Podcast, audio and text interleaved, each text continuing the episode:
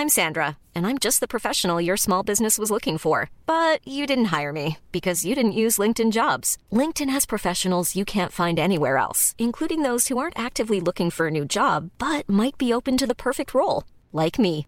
In a given month, over 70% of LinkedIn users don't visit other leading job sites. So if you're not looking on LinkedIn, you'll miss out on great candidates like Sandra. Start hiring professionals like a professional. Post your free job on linkedin.com/people today.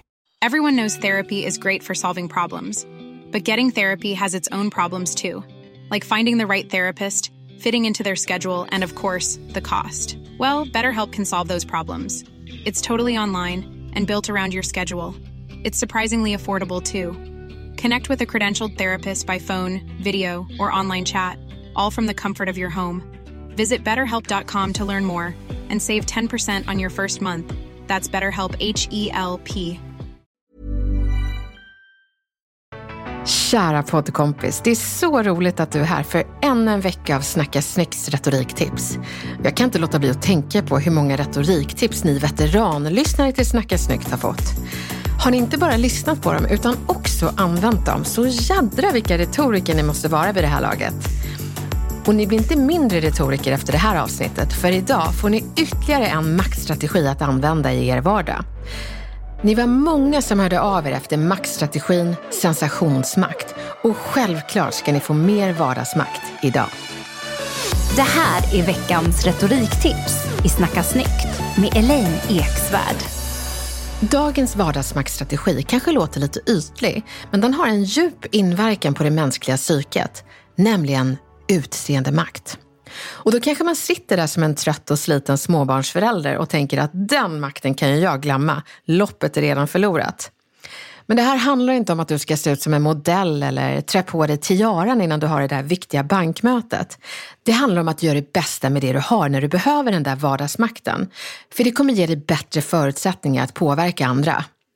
Studier visar att de som tar hand om sitt utseende visar att de ansträngt sig, kammat sig, klätt upp sig för sammanhanget. De visar på samma gång att de respekterar dem de träffar och får på så sätt mer respekt och inflytande.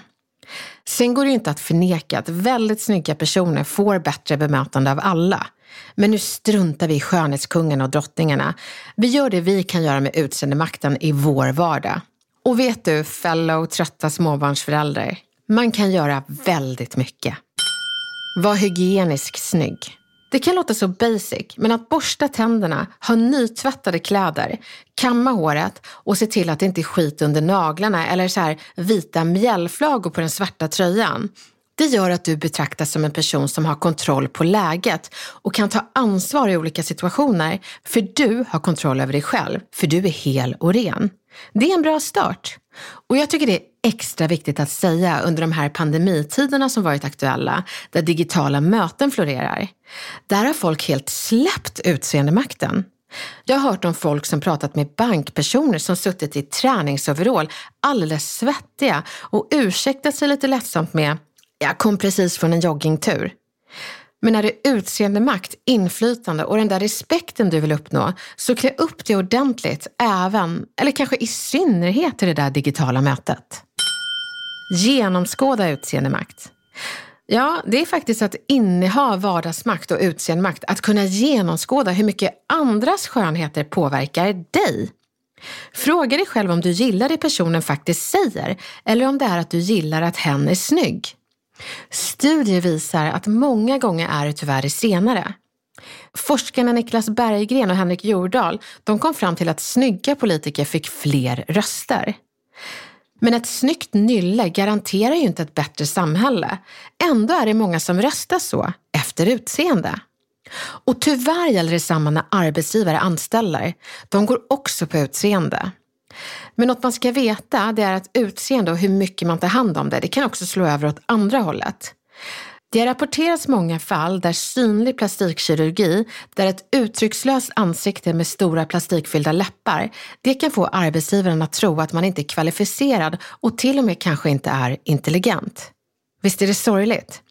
Man får tycka vad man vill om plastikkirurgi, men att dra slutsatsen att en person inte kan vara kompetent just för att den har gjort ett synligt ingrepp, Det är diskriminerande. Och du och jag kan vara det omedvetet.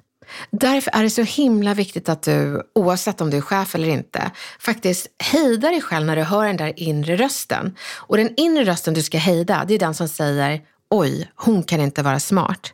Eller hon ser pålitlig ut. Då får du istället tänka om och vara lite granskande mot de där fördomarna baserat på någons utseende. Lägg in tanken, men varför tror jag det? Nu läser jag CVt. Eller, nu lyssnar jag på det han säger istället för att titta på hur han ser ut. Att vara lång eller överviktig, det har sina för och nackdelar. Att vara överviktig och söka vård, det kan mötas med diskriminering, tyvärr från vården.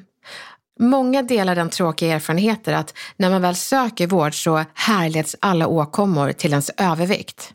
Och då, att få utseendemakt i det läget som överviktig, det är faktiskt att förekomma det som läkaren kanske kan tänkas säga. Säg, jag tror inte att du är en sån läkare, men jag har träffat sådana som korrelerar mina besvär med min övervikt. Och så är det inte, så jag vore tacksam om vi kunde skippa den biten och se vad som faktiskt är fel. Att påtala det som ofta förekommer är att få mer makt i just den situationen, trots att man känner sig ganska maktlös. Sen är det ju så att för att personer med en övervikt ska få mer utseendemakt i vardagen så tycker jag det hänger på alla utanför att faktiskt se hur behandlar en person som är normalviktig, överviktig eller underviktig och att man tänker att jag ska inte behandla utseendet utan personen och se förbi mina fördomar. Och sitter man med en övervikt och tänker att ja, men utseendemakt inte är för mig. Det är klart det är. Herregud, vad snygg man kan vara oavsett vilken viktklass man är i. Så som jag sa tidigare, gör det bästa med det du har och du kommer få mer inflytande i din vardag. Vad det gäller långa däremot så har det sina fördelar i lönekuvertet.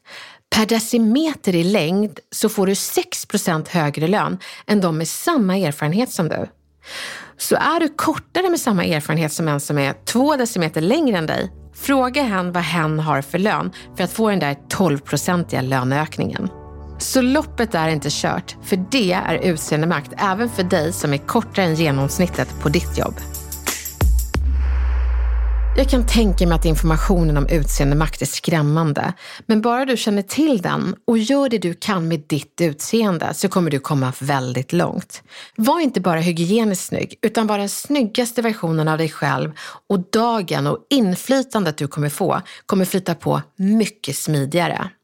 Genomskåda också skönhetsmakthavarna som kanske får dig att göra saker. Lägga en röstsedel. Inte för att de föreslår bra saker utan för att de ser bra ut. Det är så viktigt att genomskåda det. Sen att ha koll på de löner och förmåner till exempel långa och män får, det är ett sätt att få vardagsmakt. Jag har själv hört att män precis som normalviktiga blir bättre behandlade än kvinnor och överviktiga när de får vård. Att ha den informationen när man själv får vård, det är utseendemakt. Jag minns en gång när jag hade suttit på akuten i fem timmar. Då hörde jag en sjuksköterska prata med mannen i sängen bredvid mig. Vi hade bara ett skynke mellan oss och hon sa, du har ju varit här i fyra timmar. Vill du ha en macka och något att dricka? Jag häpnade och jag visste inte alls att man kunde få en macka och något att dricka. Jag hade inte fått frågan och jag hade varit där en timme längre än mannen. Tror ni jag gav henne en uppläxning av kvinnors behandling när hon var på väg förbi mig? Nej, jag utnyttjade istället det jag visste om utseendemakt och så sa jag, du, jag hörde att man får en macka och något att dricka om man varit här i fyra timmar. Kan du hämta det till mig också? Jag har varit här i fem timmar. Hon nickade och log och jag fick både vardagsmakt och en macka. Jag önskar dig detsamma i din vardag. Ett varmt lycka till så hörs vi snart igen.